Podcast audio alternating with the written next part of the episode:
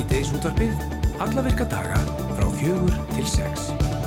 Og það er Andri Freyr Viðarsson og Guðrún Dís Emilstóttir sem ætla að vera með okkur í dag. Það er eitt og annað sem við ætlum að taka fyrir. Viljálmur Átnarsson, þingmaður sjálfstæðisflokksins og formaður þingvallanemndar. Hann segir að þessi tíma bært að dusta rikið af umræðu um sjúkra þyrlu. Hei, hei. Þingmaðurinn vill að tilraunaverkefni um sjúkra þyrlu á Suðurlandi fara að staða nýju. Fyrir COVID hafi verið búið að fá samþykki fyrir sjúkra þyrlunni en sögum faraldusins þá hafi verið erfitt að pröfukera verkefni því það voru náttúrulega engir ferðamenn. Hvers vegna þurfum við sjúkraþyrlu? Er sjúkraþyrla raunafu kostur og, og hvernig er þið staðið að rekstri hennar? Við ætlum að spyrja Vilhjálm út í þetta allt saman hér á ættis. Nú eins og uh, sumur Európabúar, uh, já þá er uh, Gunnar Dís að pissa á sig á spennu fyrir uh, Eurovision og ég er nú líka nokkuð spenntu fyrir þessu saman uh, sem hann fer náttúrulega fram í Liverpool. Og fyrra undanústöldar kvöldið það fór fram í gær og það setna á morgun. En uh, við sláum ekki slöku við já, hvað uppbytun var þar fyrir stóra kvöldið á lögadaginn og fáum til okkar eitt stykki Einar Ágúst Víðursson með gítar með sér og hann mun spila vel þekktan smelt fyrir okkur í beitni útisningu eftir. Já, ég er spenntið við því. Ég er líka spenntur að heyra sko því að þú heldur því svo sko, stöðut fram að, að allir Evrópabúar sé að missa sig yfir þessu.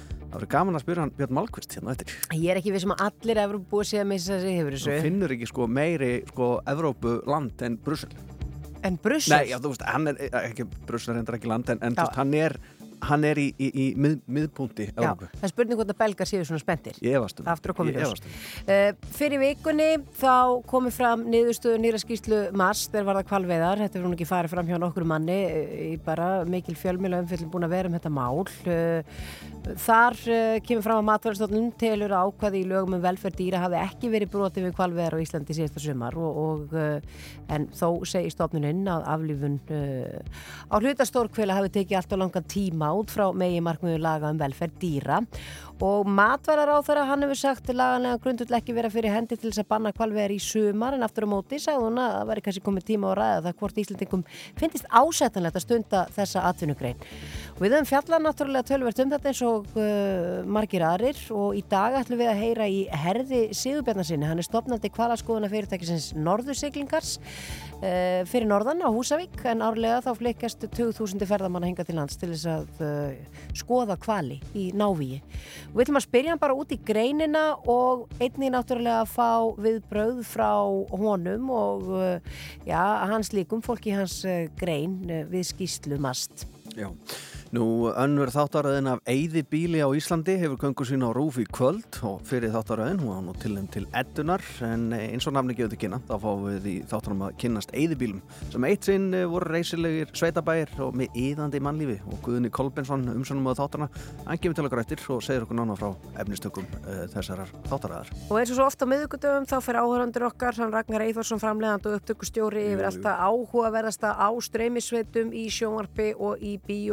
bíóhúsum landans. Einmitt, en við ætlum að byrja þetta á fréttaréttara sittiðis útarsins í Brussel Björn Malmqvist, sætlablesaður Sæli verið þið. Jæja, hvað segir þið? Þú varst nú að hóta því að vera út á svölum að spjalla við okkur eða það er ekki rigning. Hvernig er, hvernig er Ég- staðan? Það er létti til aðeins hérna. Það Já. er bara í besta veðruna. Alveg, alveg bara sko 14 stiga hittið. Rosalega hittið. Já, maður, það er En það er búið að vera bara mýgandi rigning í Brussel síðustu dag og uh, þetta veður bara, æ, þú veist, ég veit ég á ekki að vera kvarta sko en, en samt, þú Já. veist, það gæti verið betra. Þú Mér er kalla. sagt sko að þetta sé, og ég er kannski búin að segja þetta áður, en þetta er, þetta er að verða slappasta vor bara í manna minnum hérna sko. Já, já, já. Erðu Björn, við erum að velta fyrir okkur uh, Eurovision. Já, Hversu spennt er fólk fyrir þessu þarna á þínu slóðum?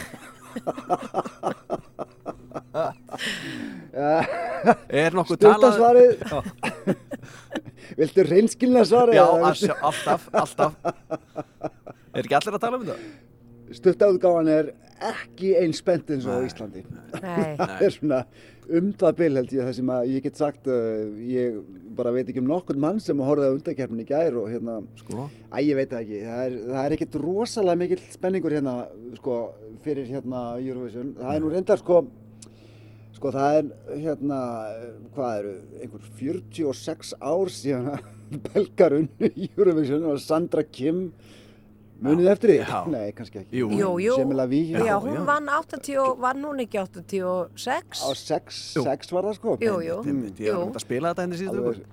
80s bomba sko, það er svo gaman að horfa á þetta vídeo Gekkja, sko, gekkja, sko. en hér, já, algjörlega Þannig, en heldur eh, ekki að ef að belga myndi fá eitt sigur eða svo að þá myndi kannski aðeins uh, limna yfir þessu hjá þeim? Jó, jú, kannski, þú veist, en uh, ég held að sé enginn að gera sér neina voni hér, sko. Ég man ekki veginn hvaða lag þetta er, ég skal viðkjöna það.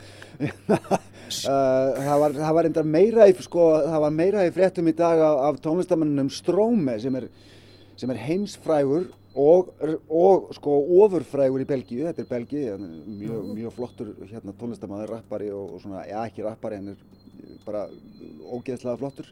Hann var að cancellera turnum sínum hérna í Európu uh, bara í dag, eða í gær öllu heldur, kom tilkynning í gær, hann, hann, hann er bara, er að glíma við kulnun, blessaði kallinn, þannig að hann er bara búin að, hann er búin að, hérna, búin að slaufa bara tónleikum hægri og vinstri hérna og, og, og það, það, sko, ed, sko, það elska allir st, sko, strómi hér í Belgíu, hann er, hann er gríðarlega vinstall, ég, ég mæli með að, fólk hérna fara á netið og, og, hérna, og finna hann, hann er mjög flottu tónlistamæður. Þetta er kannski eitthvað sem við ættum að segja tónlistastjórunum okkar hérna á Rástöð frá, þannig að hann kannski byrja að spila eitthvað með hann.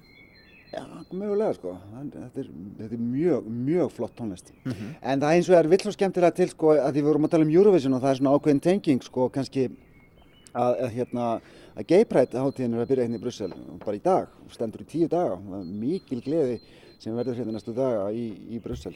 Regbúa fánar út um allt, sá ég henni í miðbæ í dag og, og meira sé að munið þetta er stittunni sem ég var að tala um um daginn, mannekenn stittunni, litla stráknum sem, a, sem að pissar hérna nýri í miðbæ og allir túristarnir gapa hérna framann í.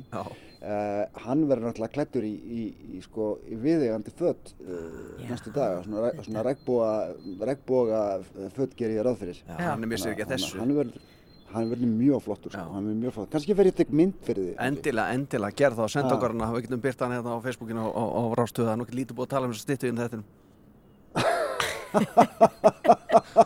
Það er bara trendsettir, fólk flikist í Brussel til að sjá mannikinn p-stittuna það er bara þetta, er líka, þetta er líka eitt af því sem hún verður að sjá þú ert í Brussel sko, og, hérna, en talandum sko að miðbæðin, ég var einmitt nýri í miðbæði í dag og hérna ég ákvæðanabla, kannski þið munið eftir ég, hérna, ég bara gott eða var bara ekki í fyrsta skinn sifti sem að ég kom að talaði við ykkur þá, þá var ég að tala við konu sem heitir Stella Westman hún er íslendikur sem er búin að búa hérna í mörg ár og hérna hún fær stundum með gæsti í labbitúra um Brussel og, og hérna við löpum í, þa í það skiptið um Evrópukverfið og, og vorum að tala um Evrópukverfið, allar þessar byggingar Evrópusambandsins hérna í hverfinu og, og eitthvað fleira. En, en ég hitt hana aftur í dag sannsagt og við hittumst niður á hérna breyðgötunni sem heitir Ansbach sem er bara í hjarta Brussel og hérna einmitt þar sem að Brussel einlega bara fættist ef svo má segja, við skulum, við skulum heyri henni.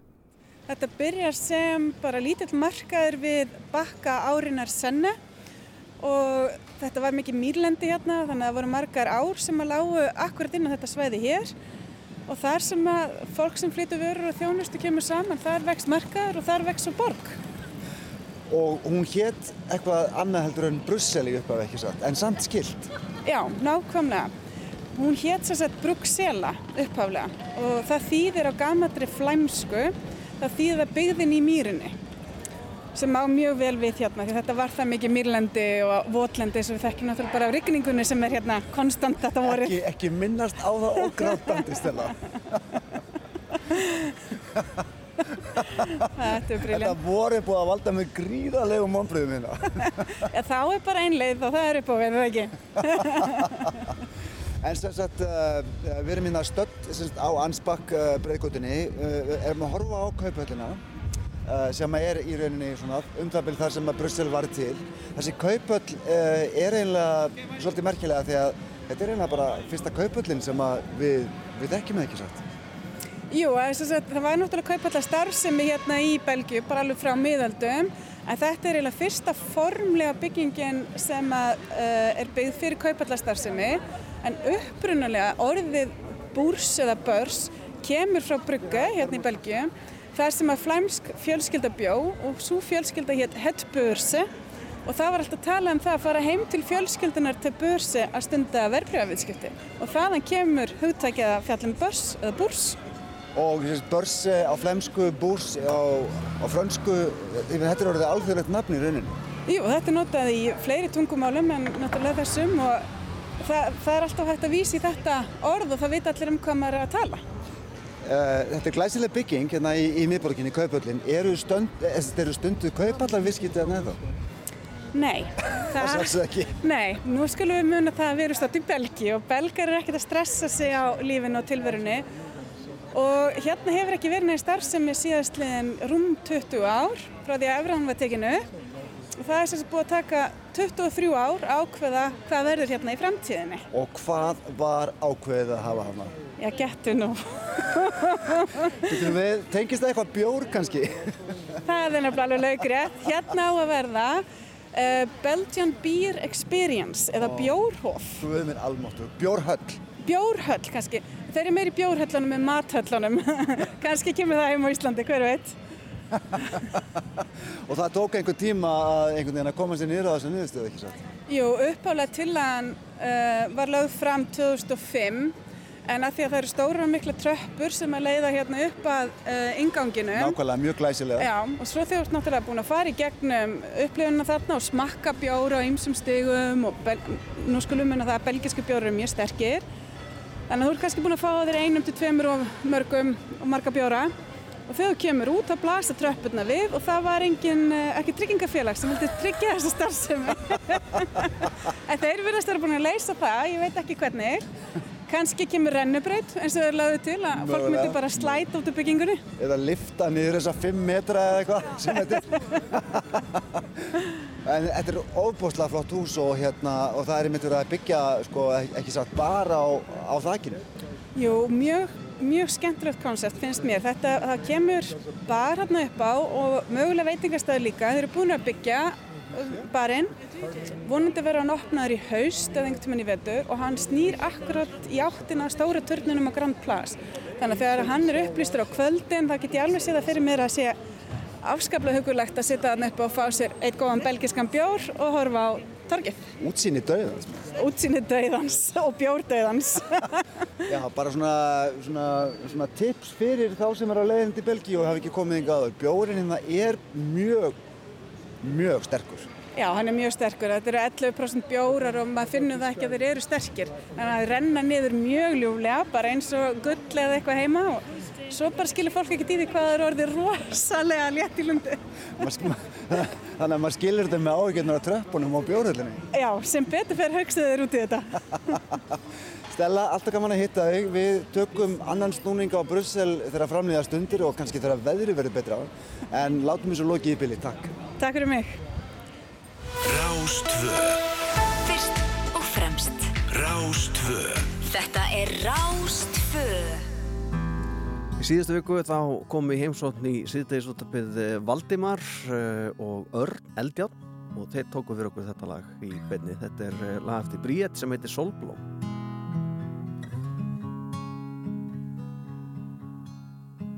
Veit ekki hvað ég vil sjá þegar ég loka augunum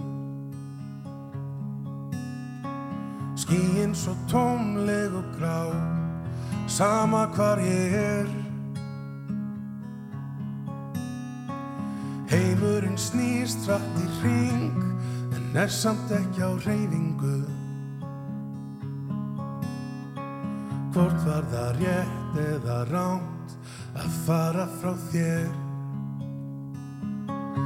En kannski áttiðu aldrei orðin sem ég beigð eftir. Kannski var ég aldrei það sem að þú þurstir Og kannski sneri ég mér undan þegar ég átt að doka við. Eins og sólblóm sem snýr í burt frá sólinni. Ég vissnaði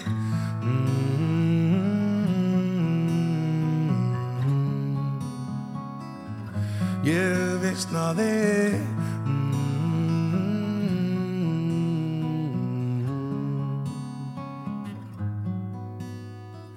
Ég veit að við reyndum allt og kerðum út að heimsenda.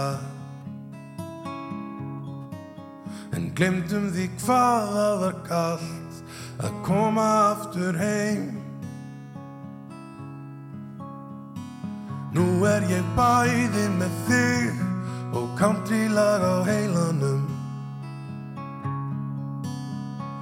Hvort var það rétt eða ránt að fara sitt hvora leið En kannski áttirðu aldrei orðin sem ég beigð og beigð eftir. Kannski var ég aldrei það sem að þú þurstir Og kannski sneri ég mér undan þegar ég átt að doka við eins og sólblóm sem snýr í burt frá sólinni. Og kannski áttir þú aldrei orðin sem ég beigð og beigð eftir. Kannski var ég aldrei það sem að þú þurftir kannski sneri ég mér undan þegar ég átt að doka við eins og sólblóm sem snýr í burt frá sólinni.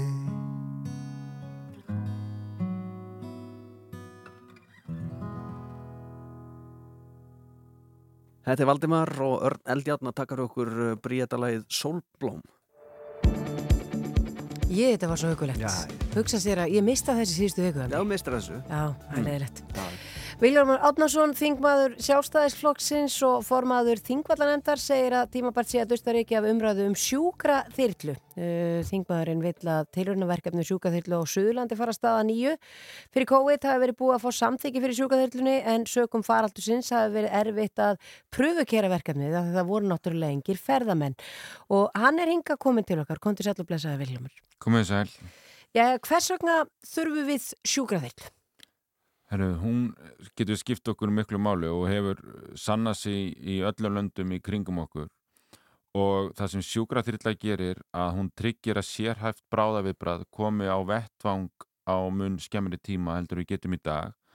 Þannig að þegar að koma upp slis og veikindi einhverstað fyrir utan þéttbilið að þá er hægt að veita miklu betri heilbyrðisjónustu mun mun fyrr sem að að dregur þá úr hérna náttúrulega líkum andláti og dregur úr hérna þeirri örnkumlum sem verður vegna veikindæslýsa og það dregur líka svo úr öllu því álægi sem að er á bráða viðbræðið út um landið að, að þetta er oft mikla vegaleindir þannig að sjúkraþyrlan getur komið snögt á vettvang og hún getur líka flutt þá sjúklingan á sjúkrahús staðan fyrir að vera með kannski 2-3 sjúkrabíla upptekna í þessu og svo þurfa veit er að fylgja þeim á sjúkrasalvu til höfuborgarinnar tekur allt lengri tíma.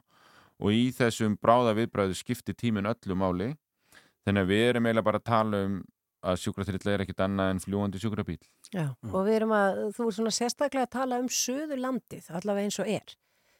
Já, sko, við erum að tala um það að við höfum tilurina verkefni svona á Suðurlandi en, en með það opið að vika það mikið og þurfum að prófa svolítið nákvæmlega staðsetninguna, hvað er þetta gagnast best, hvað er útköllin eftir ástímum og þetta getur verið breytileg staðsetning.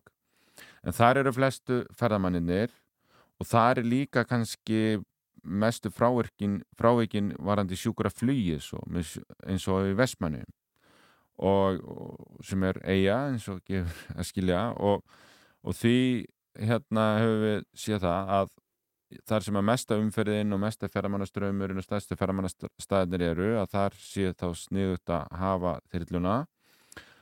Og að hún getur líka verið sinna þá bæði sjúkra flugi, venjulegu og bráðaviðbræði varandi vestmanni og kannski einhverja tíma ársins er skynsalegt að hafa hana bara staðsetta í vestmanni með kválsvelli eitt tíman og kannski upp á flúðum hinn tíman þannig að þetta er svolítið sem að verkefni á að svara fyrir okkur. Og ef þetta reynist vel og, þetta verði þess að þau, svo hagræðing sem ég til þetta verði og öll gögn benda til að þá er ekkit að því til fyrirstu að fá aðra sjúkratillu fyrir Vesturland og, og, og, og jafnvel tvær, þrjár.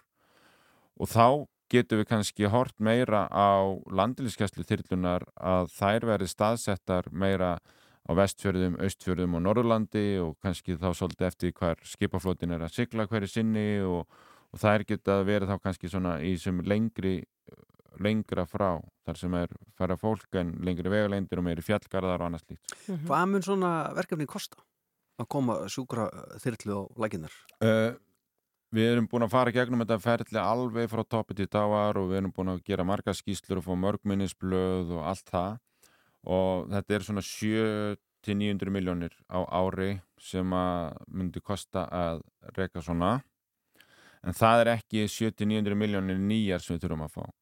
Að því að eins og þeir sem er ekki sjúkraturið hér, þeir myndu bara borga fullt gjald og tryggingarna þeirra svo endur greiða þeim. Þannig við fáum þá greitt fyrir þann flutning sem að landlýskjæslan er ekki, alla jafna ekki rukka í dag. Uh, fyrir hvert sjúkraflug það náttúrulega borga líka og er inn í kostnanum dag þannig að hluta þeim kostnan myndi þá færast þarna yfir og dragur álæginu og þörfinu annari sjúkraflug og annað slíkt.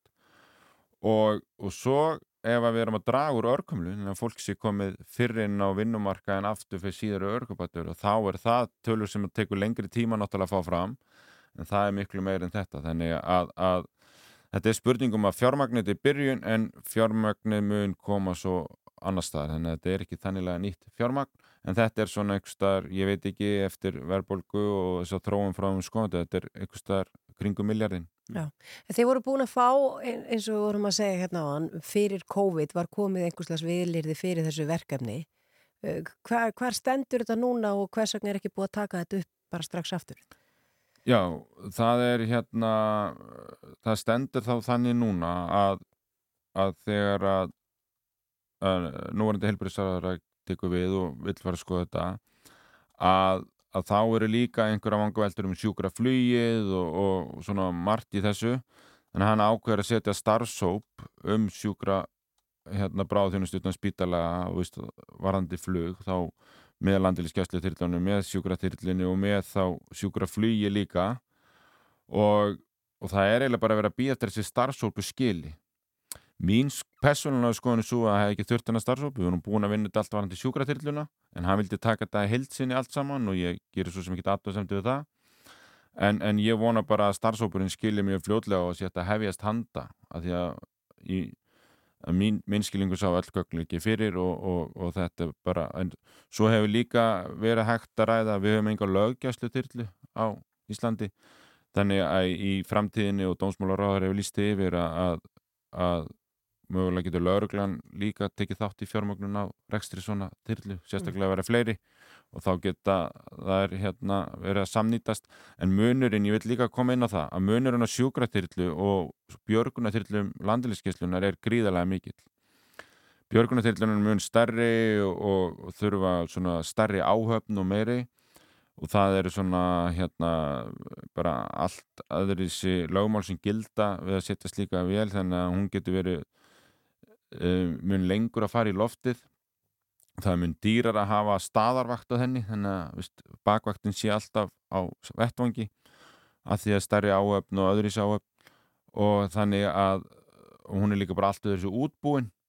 Þannig að lítil sjúkratyrilla hún er fljótara fyrir lofti, það er ódýrar að hafa hann á staðavakt og praktíkskara hún getur farið og lent á fleiri stöðum og þannig að það er fleiri tegund, vist bara bíl, bílslið sem er nær höfuborginni sjúkdóman eins og hjartáföll og heila blófalla meiri líkur hún farið það og hún er þá útbúin með svona medical vegg eins og ég kallaði svona sérstökum svona bara eins og sjúkrabíl þannig að það er svo margt sem að aðskilu því að þetta er ekki sami hluturinn sko. Já, við fylgjumst eh, með þessu máli Viljámur Átnarsson, þingmaður sjálfstæðsflokksins og formaði þingvallarhendar, takk fyrir að koma í síðan.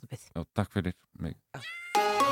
Fyrst og fremst Þetta er Rástvö Well, in the old days they used to have events, stars, limos, the night sky crisscross with searchlights, little sequin numbers, and the limos. Uh, oh, premieres. Oh, yes, ma'am. Of course, ma'am.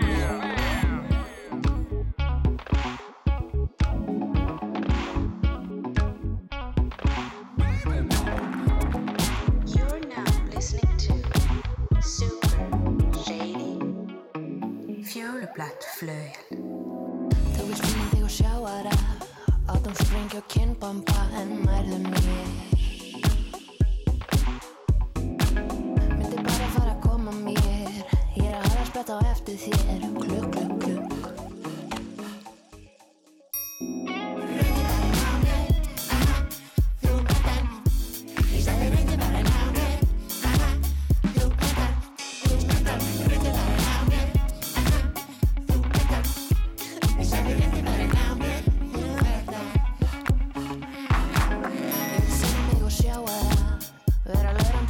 пока. Жду, что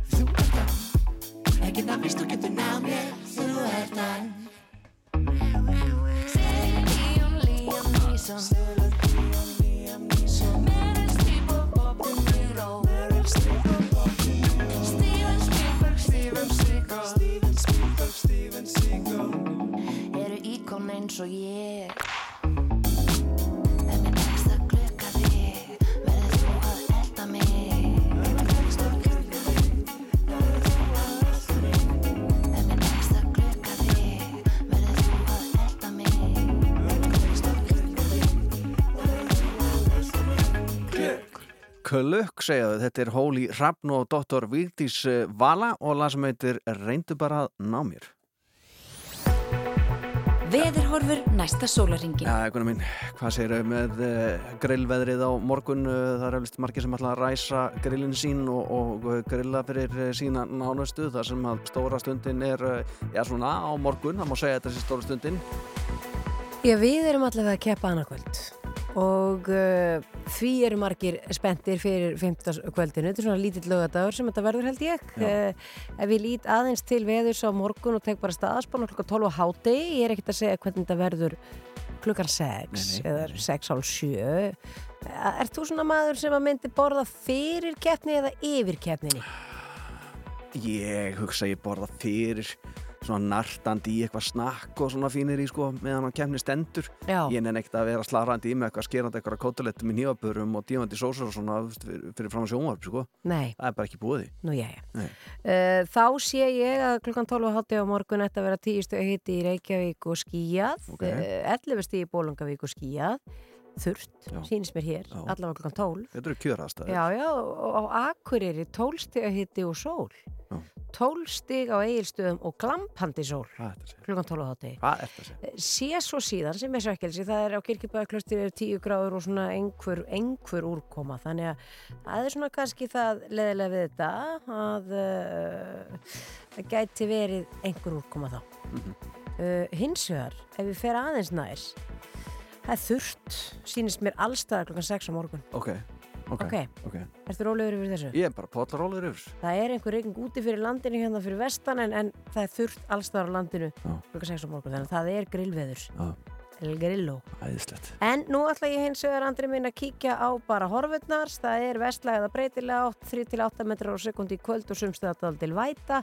Heldur vaksandi sunnanátt á morgun 5-15 metrar á sekundi síðdeis. Kvassast vestanlands. Bjart veður á norðaustur og austurlandi. Annars skýjað. Æ, Hvað? Fyrir að rigna vestan til síðdeis. Það er allt í læg Það er allt í læg, jú, jú Hiti 8-15 stík hlýjast norðausturlands. En kannski það bara setnipartin og svo búið. Já. Kannski það bara búið Já. þegar við erum að uh, vinna með grillveðrið. Já, já Ég vona það. Já, það vona ég líka, líka En ég er nú með góða fréttir og eitthvað sem ég á nú bara reynilega átta mig á bara í dag Nú. Ég veit ekki undir hvað grjóti ég er búin að búa undanverið en, en ég er bara átta mig á því að, að það er bara eitt besti uppstandari heims Þannig ætlar að skemmta landsmönnum um helgina Nú, Ekki þessa, næstu. Hver? Já, hann heiti Jim Jeffries. Já, Já, vissið þetta ekki. hann ætlar að vera með grín á aðaldaginn Aðaldaginn, Aðaldaginn, hvað er það? Já, Já. afmælstæðin þinn. Já, Já, fyrir geðu, ég skildi aðeins rugglast. Það er sem sagt uh, næstkomandi sunnudagur. já, já Ekki núna, Nei, heldur nei, eftir er um aðra helgi. Og hvar heldur hann alltaf að vera með þetta? Heima hjá þér? Nánast, Hvar? í höllinni Nú, á. Já, Já, þú er ekkert minna. Nei, nei, ég get sko bara ég get, ég get bara bakkað þarna sko, svo stutt Já. Ég get bara teikt mig í sætið Þú getur teikt í Nánast, sætið. nánast Þarf ekki að vera á bíl. Nei, Það verður lög. Ætlar ekki á það? Á Jim Jeffries Já. Hvað heldur þú? Ég myndi að fara hlæjandi allan afmælstæðin. Ég ætla að skellilega þessu allan Bara eins og í auðlýsingunni. Já, já, já, akkurat Herðu, það er Júravisson stjarnamættinga í hús og við ætlum ekki að vera að þvaðra þetta endalaust hérna með, með mannin hérna fyrir utan hljóðveri okkur uh, Einar Ágúst Víðisson, hann er mættur og hann ætlar að spila fyrir okkur eftir Smell, Júravisson Smell hvorki meirinu minna. Hvað það verður kemur ljósið til smástund. En þetta aftur á móti, þetta er uh, náðungi sem heitir Helgi Björnsson, þið þekki hann eflust og uh, hér er lag sem heitir Besta útgáðan af mér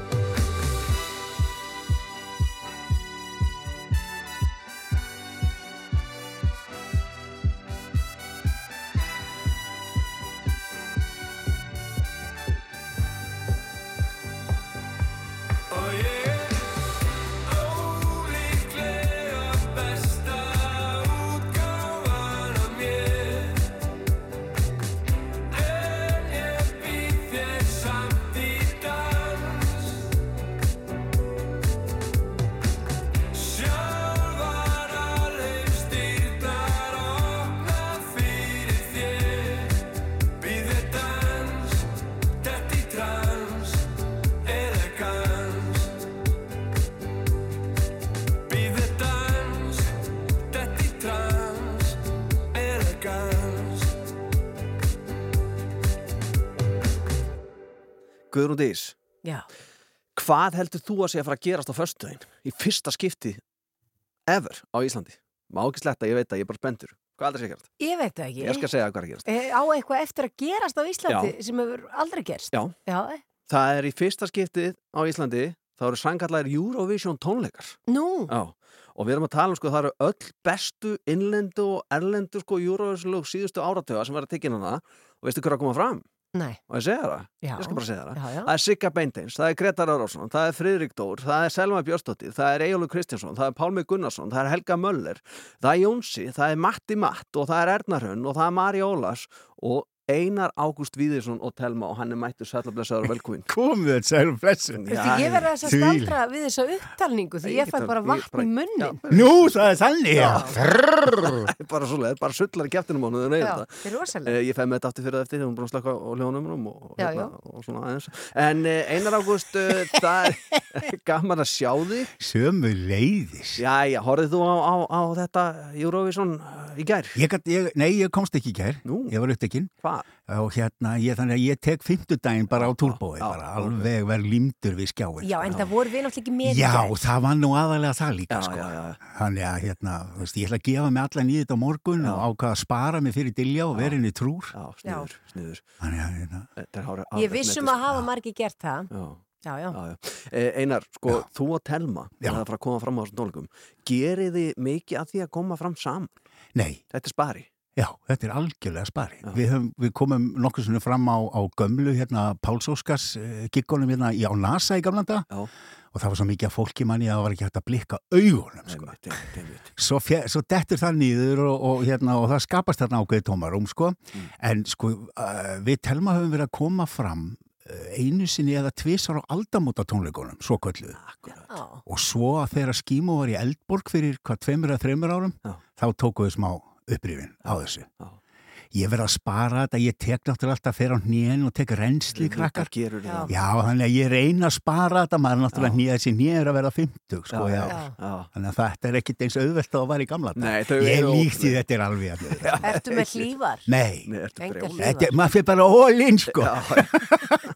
Enga lífar og Nei. svo sér maður bara til hvort að það þurfi sjúkarflutningamenn eða ekki, sko. Já, já, það kemur í ljós. Það er gaman að segja frá því að Einar hann er búin að fara í hárgæslu fyrir uh, gigið Heyrði, já, sko, ég læt klippa mig í gamlu kartöflugeimslunum hann upp í Hrumba, upp í Árbænum. Já, Og þannig er allir rappararnir kliftir og, og klöpt upp og einhverjir peyjar, sko. Svo segir klipparinn Gunnar við mig, nú eru þú bara að taka ábyrð á strípu aflitunar pakkanum sem þú startaðir í gamla dag og smelti hett og gamlan, ég er bara eins og múkki Já, á, já, á, á lóðari, Hann sko. er aflitaður Já, Hann er- er bara komið með í toppinn Já. og svona, og greiði við kollvíkin og allt klárt, Það er sko. bara slim shady í mættir þetta, sko, með kassagítar sko. Þetta er voða sumalegt og hugulegt maður. Er það ekki bara, Jú, já, ekta. þetta er ekkit svona ómikið fyrir miðaldra mann. Ertu Þetta brjálaður? er komið, í- þetta er hátíska. Já, maður verður að bera ábyrð á þessu, maður verður að taka þetta á sig og vera með. Já. Veitir hvað ég ætla að gera núna? Að Einar spila lægi fyrir okkur Því ég vill ekki þurfa að segja í miðurlagi Er Einar, við erum að falla á tíma Þannig ég ætla að koma inn svona auðlýsingabakka frá Já. Og svo ætlum við að hlýða á, á, á þína fögrarödd Og Guð þína fimu fingur Já. spila á gítarinn Og við getum bara reynlega ekki byggð Takk. Rástvö Fyrst og fremst. Við lofuðum lifandi tónlist í þættinum í dag, við ætlum að standa við stóru orðin. Eins og við sögðum hérna áðan, þá er Einar Ágúst Víðursson, hann er mættur, hann er ennþá ennþá okkur, Einar. Ég veit ekkit hvort ég fer hérna, sko. Nei, nei, það er bara frábæra Þið voru að spyrja aðan sko hvort að við telma tækjum þetta lag mikið, telmílagið, gamla, Já, þetta er nú hvað, 23 ár síðan. Já. Sko ég spila þetta lag hver einustu helgi oftar en einu sinni oftar en tvisvar, sko. Bara, og það er, það er beautyið við að hafa farið í Eurovision, sko. Það er að fá að, veist, ef, sérstaklega ef að fólk mann eftir því, sko. Það er að fá að, að spila þennan ófögnuð, sko, og enda löst og sjá fólk syngja alltaf með og svona, þetta er bara algjör forréttindi, sko. Þetta lag lifir góðu lífi. Já, það er alveg merkilegt, sko. er sko. það er Ég, ég lánaði unstinni Manuel Emmett Pilsið hérna í, í söngakefni þau tóku hann og Hermi Gervill og Gugusar já, gerðu ansi skemmtileg útgáfa að tella mér sko Það var mjög skemmtileg útgáð. Já, hann var í orginal pilsinu með leðurarböndin og allt já, einmitt, einmitt. Þú berða samt betur. Eh, Þú Já, verður kannski í eh, bilsinu núna á föstu dagi næsta Það í háskóla bjóð. Því að eh, þið fyrsta skiptið í Eurovision tónleikar og eh, Einar og Telma ætla að taka þetta lag sem að Einar ætla að flytja fyrir okkur í beinu útsendingu. Gjör svo vel.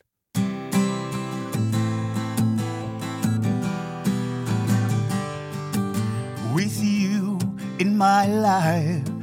It's destined to be right, and I know that it's true. Girl, I was only made for you. So why don't we make the pieces fit and pack our bags tonight? and go wherever love will take us.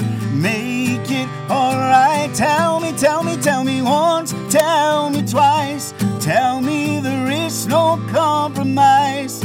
We'll be together all the time. So say you will be mine. Þá vantast málið og vantar kvennrött. En við björgum þessu ekki.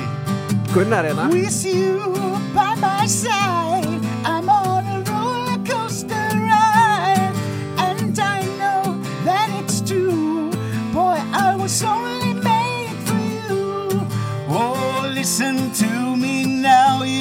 to give me a sign, cause I can't wait here any longer.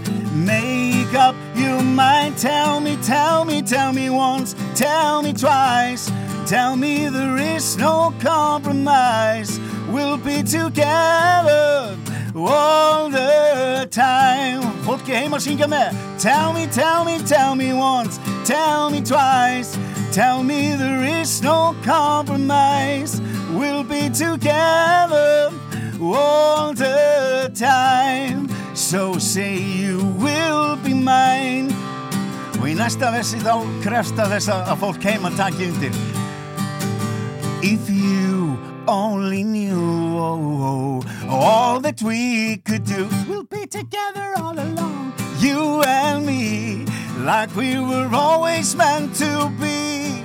Oh, I don't know if it's fact or fiction, but I'm sure we made the right decision. Look into my eyes now, baby. Give it all you got. Tell me, tell me, tell me once, tell me twice. Tell me there is no compromise. We'll be together all the time. Tell me, tell it to me once, tell me twice. Tell me there is no compromise. We'll be together all the time.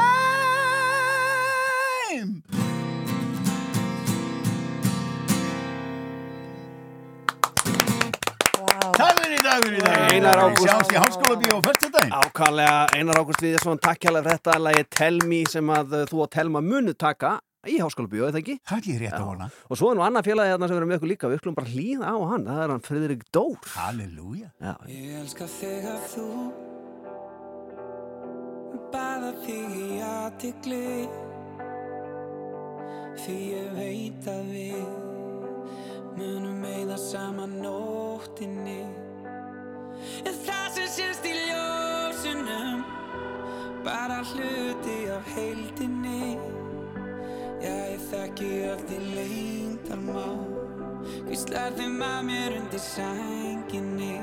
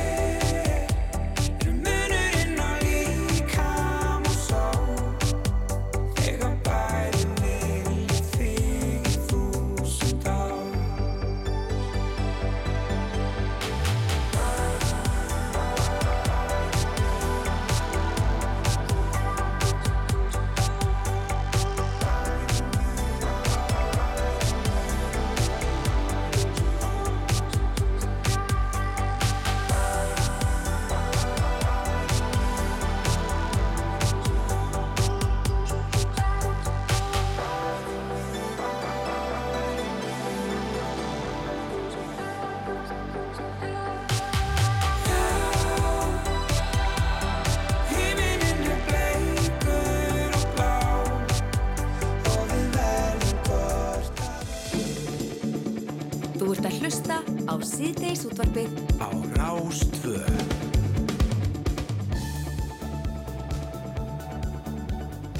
höldum áfram í síðdeisútapinu fyrir í vikunni þá komum fram niðurstöðu nýra skýrslu MAST er varða kvalveðar en þar kemur fram að maturastofnun telur ákveði í lögum um velferð dýra hafi ekki verið brotin við kvalveðar á Íslandi síðasta sömar og þó segir stofnunina aflífun á hluta stórkvila hafi tekið oflangan tíma út frá megin markmiðum laga um velferð dýra.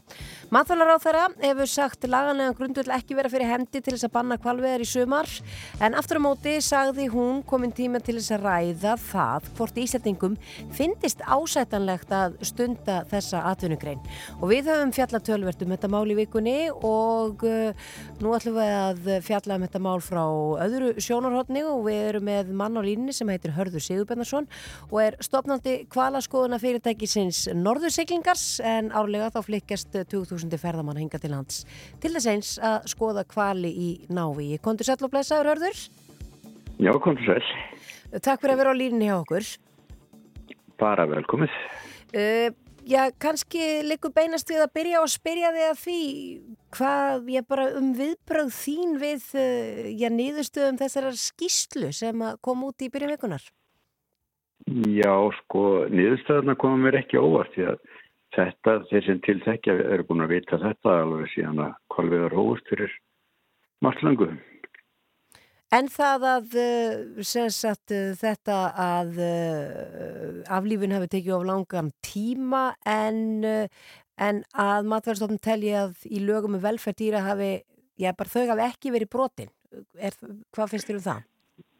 Já, mér finnst þetta náttúrulega bara sorgleg umræða öll því að eins og ég segja þetta er búið að vera að vita þetta, vita þetta allir sem að allan þennan tíma og það er ekki að horfa mörg hundur áratur í tíman í því samhengi en mér finnst þetta kannski bara varpa, varpa hérna, skýru ljósi á, á það hvað eh, kerfið okkar er lélegt. Það er ekki hægt að stoppa ofbeldi eh, hvorki meðal dýra eða, eða, eða, eða á öðrum sviðum og þetta er, þetta er bara ræðilegt finnst mér.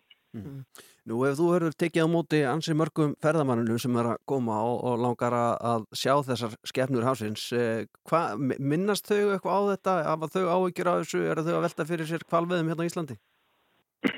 Já, já, sjálfsög gerir það, þetta er nú mest Európumenn núna en, hérna, það er þetta er þetta bara mikið af, af semst stór hluti íslenskra uh, ferðamann á Íslandi er, er komið hér vegna náttúrunar og, og lifandi náttúruskiptur en ekki minna máli heldur en, heldur en hérna fjöllin og, og önnur upplifun. Þannig að það er alveg, alveg reynu við erum litin hodna og, og þessi, þessi skrýpalegur stjórnvaldsins eh, með, með kvalveðar hann hann á sér náttúrulega langa sögu en, en hérna Íslendingar ætti nú kannski líka að, hérna vita það að, að þetta var fyrsta þjóðin í heiminu sem var stoppað í kvalveðar og það var þegar að, að normenni voru búin að, að rániskja svoleiðis íslenska eða kvali við Ísland, þetta er náttúrulega eru alþjóðlega dýr sem að við eigum ekki nettur ekkert heldur en aðra þjóður í, á, á nettinum.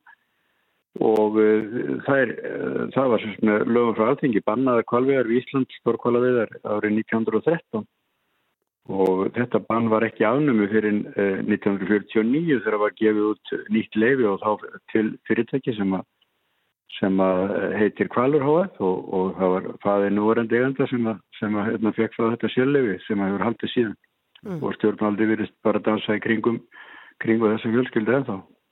Uh, núna segir matvilar á þeirra það að þessi komið tími til þess að ræða það hvort að Íslandikum finnist ásætnilegt að stunda þessa atvinnugrein. Ef við snúum okkur aðeins að þinni atvinnugrein sem að er já, þessi kvala skoðun, getur aðeins bara upplýst okkur um það? Hvað eru margir til dæmis að heimsækja ykkur uh, árlega og, og svona, já, bara þú getur aðeins upplýst okkur um þessa grein og hvernig hún hefur þróast? Já, hún hefur þróast eiginlega miklu, sko þegar við förum á staðina 1995 þá, þá var náttúrulega ekki meiningin að fara að stofna ferðarþjónustu veit ekki en, en við áttum okkur strax bara fyrsta sumarið á því að, að náttúrana og skjálfandaflóa og, og, og upplifunin í, í svona gamnum íslenskum fiskibátum að hún var slík að, þetta sló uh, okkur eiginlega alveg út af læginu þannig að við bara ákveðum að opna fyrir þessa þjónustu. Og uh, á síðasta ári þá, þá hérna var sem sagt er talið að það hefði farið 360.000 gestir í kvalveðar og kvalveðar, altså kvalaskoðun og kvalaskoðun er orðið mjög stór uh, þáttur í, í aftreyingu í íslenski ferðarþjónustu og og er náttúrulega stundu bara uh, viðaður land. Við, við fagsarlóa erum mjög gjöful og, og hún er stundu á breyðafyrði og bæði í Ólusvík og frá Grundafyrði og, stundu í, á Stengrinsfyrði, Holmavík, Eyjafyrði, mörg fyrirtæki og skjálandaflófi. Þannig að þetta er, þetta er orðið gríðarlega mikilvægt fyrir íslenska ferðarþjónustu og ef einhver aftreying er stærri en hvað kvala skoðuna þá, þá verður það sérlega bara sundljóðan okkar og. Já, eh, ef að 360.000 manns er að skoða kvali á einu ári, telur það jafnvel vera að skila meiru í ríkiskassan heldur en kvalveðana sjálfar? Já, ég vil nú ekki reyna að vera að rekna þetta út. Þetta getur nú bara hver að séð. En sko, e, það eru náttúrulega svo margir flettir á þessu og við vitum það að við syndum hér gegn strömmnum alþjóðlega og, og berum bara á, á borð íslenskan rokka og og segja við megum þetta, við eigum þetta en það er þetta ekki þannig. Og mér sé bandrækjumenn sem voru stærsta kvalvið þjóðin undir, undir lok sorgar sögunar á, á, á uh, kvaladrápi á, nattræna vísu þeir eru löngu búin að banna þetta og, og, og hafa beitt Íslandika þrýstíki að hætta þessari veiklis Mm. en, En en, þið- við eigum þó allavega samlið þarna með, með Japanum og, og, og normennum í þessu sem að veiða þó bara, normenn veiða bara hrefnur og, og, og Japanin nánast engugur hrefnur. Þetta er að þetta ætti að vera löngu liði tíð. Já, en hörður, þið í þessari, þessari grein, hafið þið, já, hefur verið eitthvað á ykkur hlustað? Nei, það er ekki til okkur hlustað. Það er bara þannig, það voru hérna settar á, á stofn vísindaveður, það voru kallað vísindaveður árið 2001, það var sett lögum vísindaveður og það var svona stofn að, að, að stjórna því og það átti að veiða 100 hrefnur og, og tveimur árum. Þess að vita hvað er mörg dýr við, við landi en það tók 5-6 ára að hérna ná þessum 200 hrefnum og þetta var allt annað stærð, það var alveg til að vera hérna næri 70 trefnur í kringu Íslandi en, en með svona skekkjumörkum upp á 20% en þegar upp á staðið þá, þá voru það kannski 12%, eh, 12.000 dýr sem að komu hér í Íslandi við sama tíman. Þetta eru flökku, flökku dýr eins og, og tuglarnir okkar. En e, sömu skekkjumörk það þannig að þessi stoppar e, stórlega of e, metin og en, en, en svona er þetta, það er alveg saman hvað borðið er niður, þetta er, þetta er alveg með ólíkinum að þetta að, og, og þessi maður er erindur ekki Íslands og ellendi vettvangi sem að, sem að hérna, gerir sér það nú til dundus að, drepa kvalvi. Hörður, uh, Sigurbarnarsson, hvaða, já, hvað vonast þetta til þess að sjá gerast í framhaldinu af þessu öllu saman? Sko, þetta vonust við til þess að þessu verði hætt og, og, og ferða þjónustan það er, það er ekki hennar hlutverk í íslensku vefna er ekki að minka ef eitthvað er þá verður það að stekka Og, og þetta er bara alveg gallis fyrst mér, ég vil bara auðvitað eigum að hætta þess og, og förðulegt að heyra að framkvæmdavaldi sem að sem að virðist um flestu geta ráðið sem að vil ráða að það skulle ekki geta stoppað þetta bara strax. Hörður Sigur Betarsson, skipstjóri og stofnandi kvælaskoðuna fyrirtækisins Norðsiglingar, takk fyrir að vera á línu hjá okkur í síðan eðstofinu Já, takk. Ég byrst afsökunar á því að það best sem að seint. Þetta ég er líka með að regna endan að saman. Jouw talenten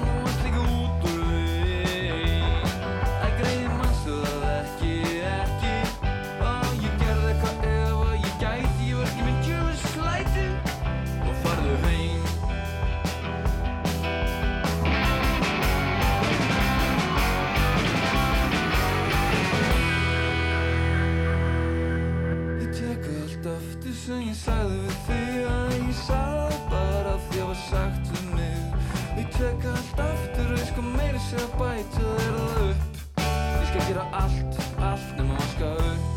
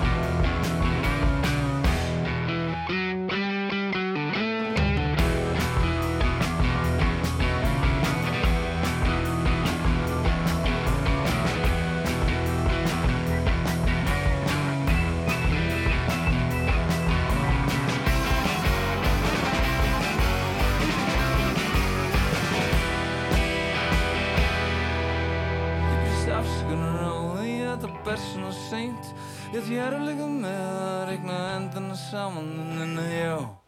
Rástvö Hæfileg blanda. Frá fjögur til sex á Rástvö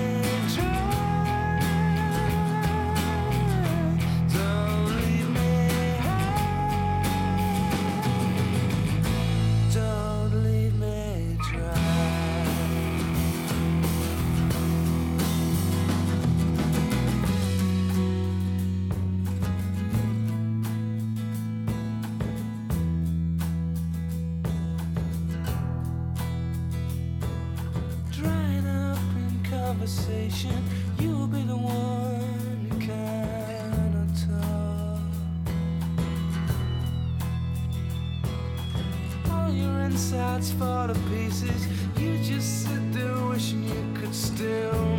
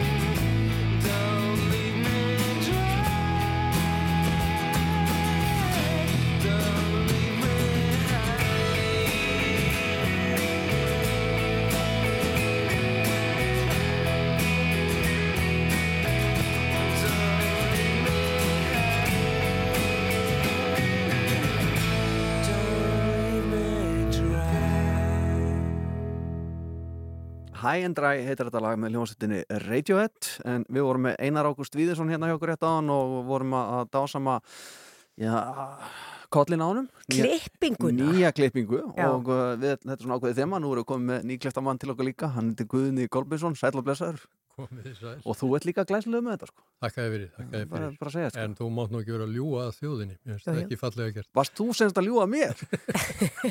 ok, þá er þetta hér með tekið tilbaka En einar ákvist hafi líka farið í strípur þannig að það, þá, þú getur spurninguðinni þegar þú fernast hvort þú Já, ég er nú svolítið strípaður á höfðinu. Já, Svona, svona, svona- þannig svona- séð. Þetta er meðfætt, þetta er meðfætt. Já, ekki alveg kannski. Áunnið, áunnið. En Guðni, við ætlum ekki að vera að að ræða hártísku hérna eh, við þig í dag. Við ætlum að tala um uh, þætti. Það er önnur serja að uh, koma á Darská Rúf í kvöld og þar er þú að skoða eyðibíli.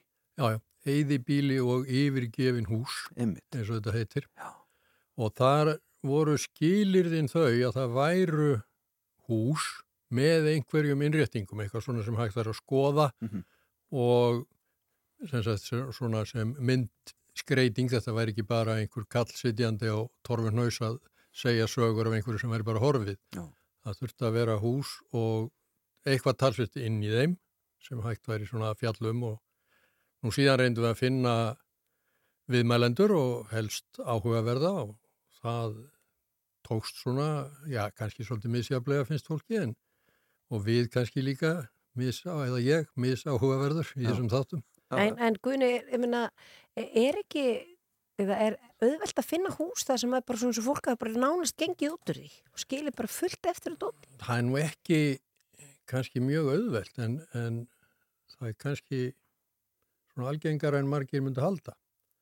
maður kemur inn í svona hús það er það er uh, lopapeysa á stól í eldhúsinu vokstúkurinn er á eldhúsborðinu og kaffibodli hálf tómur. Já, eitthvað sem við myndum aldrei skilja eftir okkur ef við varum að flytja um húsnæði þannig að þarna hljóta að vera einhverjar sögur á bakvið. Jú, það er kannski þær sem maður er að leita en þetta er í raun og veru ákvæmlega misjamt en, en þetta er til. Og í þessum eyðibílum sem við skoðum og erum búin að skoða núna í þessum tveimur þáttaröðum 12 eyðibíli og það brást aldrei að þar var einhvern lesefni nokkrir árgangar af heimir best og satt og dagblöðin kannski og skáldsögur, námsbækur barnanna, merktar kannski tvis og þris og sinnum Sigmundur Jónsson, baba, baba, baba, Merkt. Íslandi, jörðinni, heiminum. Já, Þetta er, eh, þannig að þið hafið sennilega verið að finna þá alls konar mjög merkilega hluti og jafnvel eitthvað verðmæti eða eitthvað.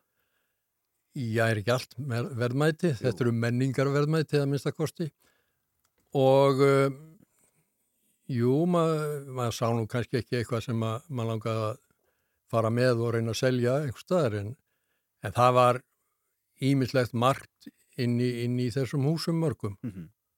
og talsvert að myndum oft og já, merkilegar bækur stundum. Já.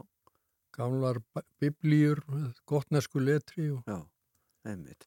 Eh, átt þú þér eitthvað svona uppáhalds eðibíli eftir að hafa verið að skoða þetta svona regilega?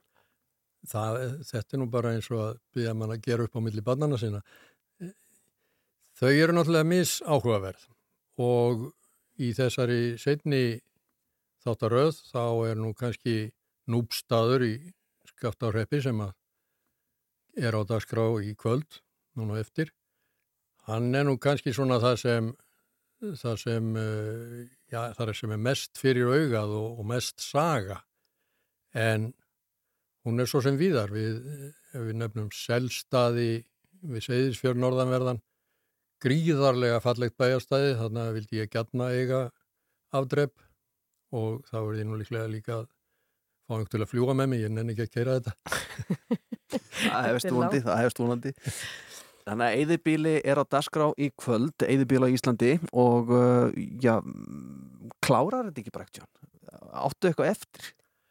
Ég veit ekki, við erum búin, búinir, ég og þannig og Björn Emilsson sem átti þessa ágætu hugmynd, mm -hmm. lefi ég mér að segja, að, og, og datt fekk hugmyndina fyrir áratugum út í bandaríkjónum. Já. Og það, það er nú svolítið merkilegt, en þetta var svona óskabarnið hans. Já. Og einhverju hluta vegna ákvaðan að fá mig með sér í, í þetta verk. Já, já. Mann sem að algjörlega óreindur í öllu svona. Já. Ég man að fyrsta spurningin var, getur þú tekið viðtöl? Einmitt. og þetta gengur náttúrulega mikið út á það að tala við einhvern fólk og reyna að kreista upp úr því einhverjar eitthvað áhugavert. Já, og, gekk það ágætlega? Það var misjæmt. Já, ertu að læra þetta? Það, ég hugsaði í svona fjóruðu þáttaröð þá verði ég búin að ná þessu. Já. En það er nóg eftir. Já, en við Björns erum nú báðið fannir eldasóltið. Það verði ekki aðrir að taka við keflinu í þessu bóðhlaupi. Já. Spennandi, Eyðibíli á Íslandi byrjar í kvöld á uh, RÚF og uh, þetta er fyrsti áttur í, í annari serju. Takk hjá fyrir þetta Guðni Kolbjörnsson og til hamingi með þetta. Þakka þér fyrir.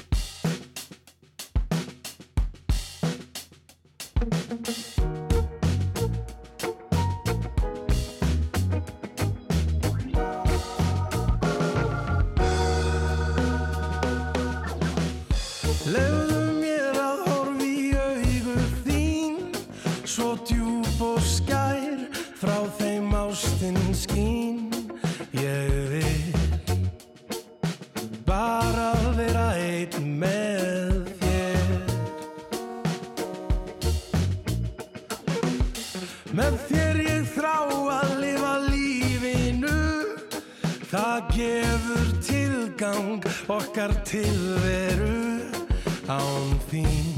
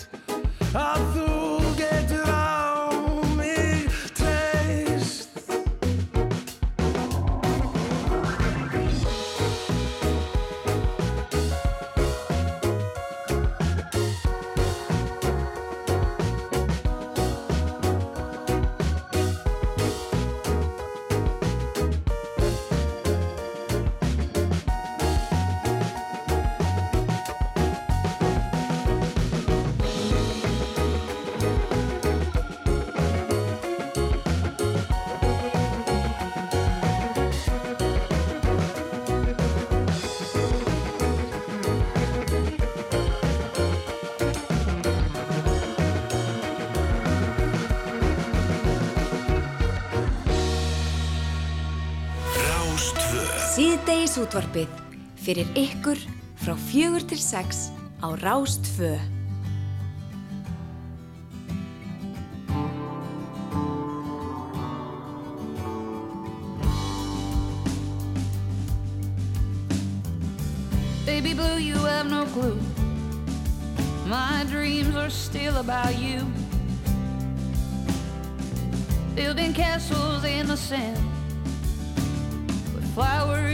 wrapped around you.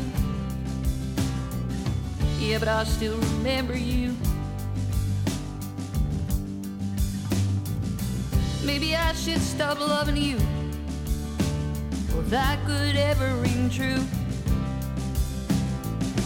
Going down that sweet avenue, seeing some shadows of you. Yeah, but do you miss me too?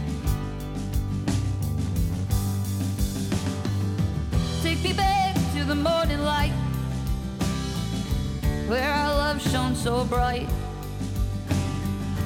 The story brings me back to you, where I can still hold you. Where I could even make love to you. I still remember your crazy jacket, surrounded by polka dots too.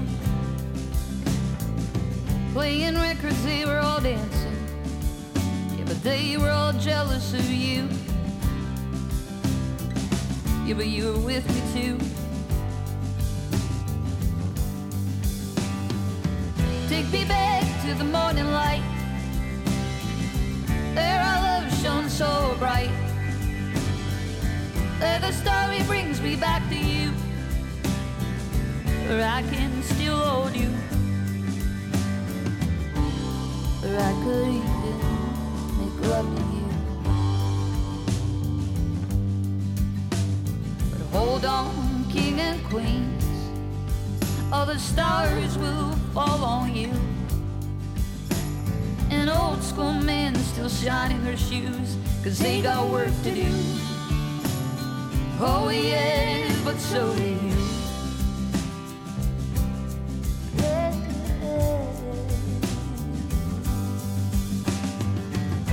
Me back to the morning light Where our love shone so bright. Where the story brings me back to you Where I can still hold you. Where I could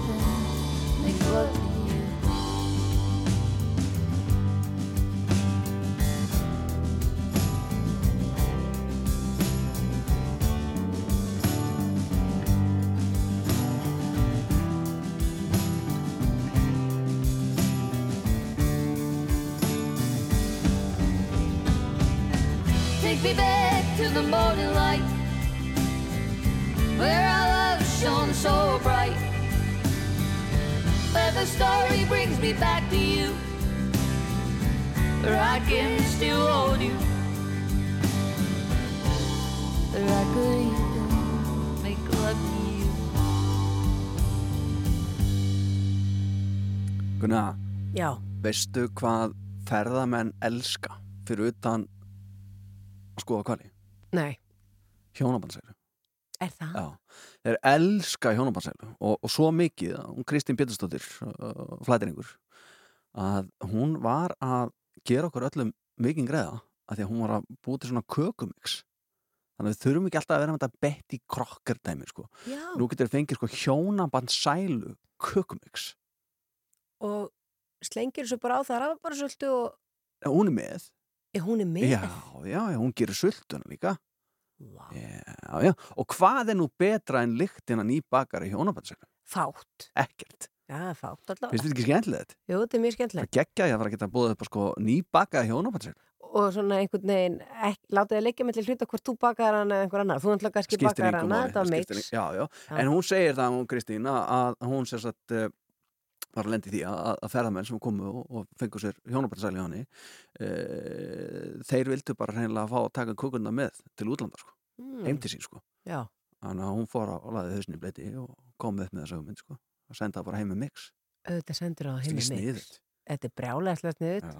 Bara passa sig verða, eh, þetta er, er þetta í þurru formi? Já, þetta er í þurru formi, já. Þannig að þeir mega meira sér vera með þetta í handfanokri. Já, já, ég ætla að byrja um að spyrja ekki meira út í þetta því ég veit ekkert mikið meira en þetta. Nei. Þannig að þar með líkur þessar umfyllum um, um hjónabandsæli. Já, ég er að lesa hérna fréttina á MPL. Nú uh, eru menn fattir að hafa ágjör og því náttúrulega að einhverjir það verði mótmæli. Já, Það er að náttúrulega leiðtúafendur verður í næstu viku. Akkurat. Einhverjir þeir sem að, uh, já, andstæðinga kvalveða muni kannski já. mótmæla. Já. Þá, þá muni svona Evrópa beina sjónu sínum að þessu. held Nú, okkur. það er já svoleiðis, já, þannig mótmáli, já. Já, Já, verið já, þannig. já, já. En aðeins að sportinu, Já, hvað er þetta? Karlalandslið Íslands í handbólta. Já, strákar, strákar. Já, já, það verður í riðli með Ungverjalandi, Serbi og Svartfjallalandi á Evrópumóðinni í Þýsklandi í janúar næsta ári og það var dreigið í Dusseldorf í dag Mhm. og Ísland er enn og aftur með Ungverjalandi í riðli á EFM. Já, Hvað er málið með það? þetta er einhver örlög sem að að gera. En verðum við ekki svo að fara að fá uh, þjálfara? Væri það ekki rosa snið? Jó, það, það er að, það þókast í rétt átt og ég held sveimur þá að það verður bara tilkynnt á allar næstu dugum. Já, svo aðeins að kongafjölstunni, Hvað? ég er að fara út um viðanvöld núna. Ok, Uh, réttarhöld yfir útgáfafélagi ennsku guðblessins Mirror, það, þau munu hefist í júni en fjölmiðlinn er ásakaður um að hafa brotist inn í síma Harry Brettaprins balvaðir. og hann er einn af mörgum sem hafa sakað Mirror um að brotist inn í síma sinn Já. og uh, þeir hafa samt beðið beðist afsökunar Já. á því að það hafa gert það, bara sorry maður við í símaðin og svo eru erfiðar fréttir hérna, leðinlega fréttir er ég að lesa hérna. Hvað? mannst eftir, já þú veist náttúrulega bara Hvað? ekkert, mannst ekkert? Sanna Marín. Sanna Marín fráfarandi fórsæðis á þeirra Já, Finnlands já, já, ég man, heldur betur. Daldi langu fattarinn Já, já, já. en þú kveiktir, þú Já, já, kveiktir Vissulega. uh, Sanna Marín, hvað er að frétta hann í blessaði? já, hún er að láta bráðum á störfum eh, eða af embætti fórsæðis á þeirra hvað, ég er ekki talandi Nei, ég af það, ég embætti ég- fórsæðis á þeirra Já, já. eftir að hafa tapað meiri hluta Já. mm, í, uh, hvað er ekki bara í þing, þingkostningum í landinu í síðasta mánuði. Ok. Hún stendur í stóraðum þessi elska. Nú, hvað? Já, nú hefur hún sótt um skilna við eiginmann sin líka. Og hún var sjálfa að greina frá þessu í fæslu þau búin að vera gifti í rúm tvö á, þannig að ég er búin saman í 16 ár, ætti Æ, mjög Já. nei, nei. Ragnar Eithósson er mættur. Áhörðunum okkar sko. Já. Manstu þér honum? Ég man eftir honum, ég er bara búin Langur að... fattar hérna. Já. Ég er nú bara að segja það. Eh, við ætlum að hlýða fyrst á, uh, ég ætla hygglust að segja að þetta er besta lagið með Queens of the Stone Age sem heitir In the Fate. Og svo fáum við áhörðundan okkar, Ragnar Eithósson. Cracks in a ceiling, crooked pictures in the hall. Counting tomorrow.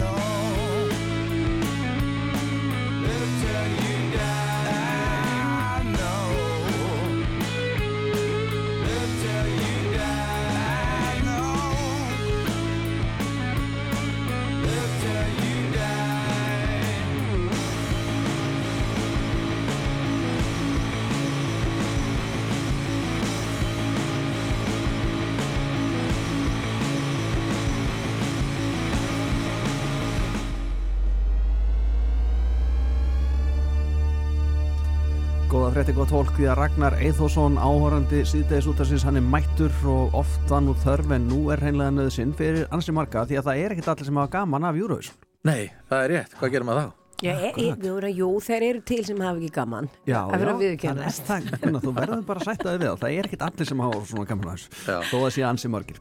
En eh, Ragnar, eh, við ætlum svona að byrja því að, að eh, já, hva, hvað er að byrja? Á Að byrja í sjónvarpi eða að byrja í bíó? Eða? Hendum okkur í bíó Já. Því að það var að lenda 30. önnur Marvel bíómyndin Ég finnst þess að ég hérna aðra hverju viku að mæra eitthvað Marvel bíómyndir Já, já. og þetta er Guardians of the Galaxy Volume 3 Sást þú ekki um daginn eitt Marvel? Jú, ég sé eina Marvel mynd Já. um æfina og hún var frábær. Já, sko, það var ekki langt að leita í næstu Ég get ekki sagt eitthvað á neytir en hún var samt ekki góð.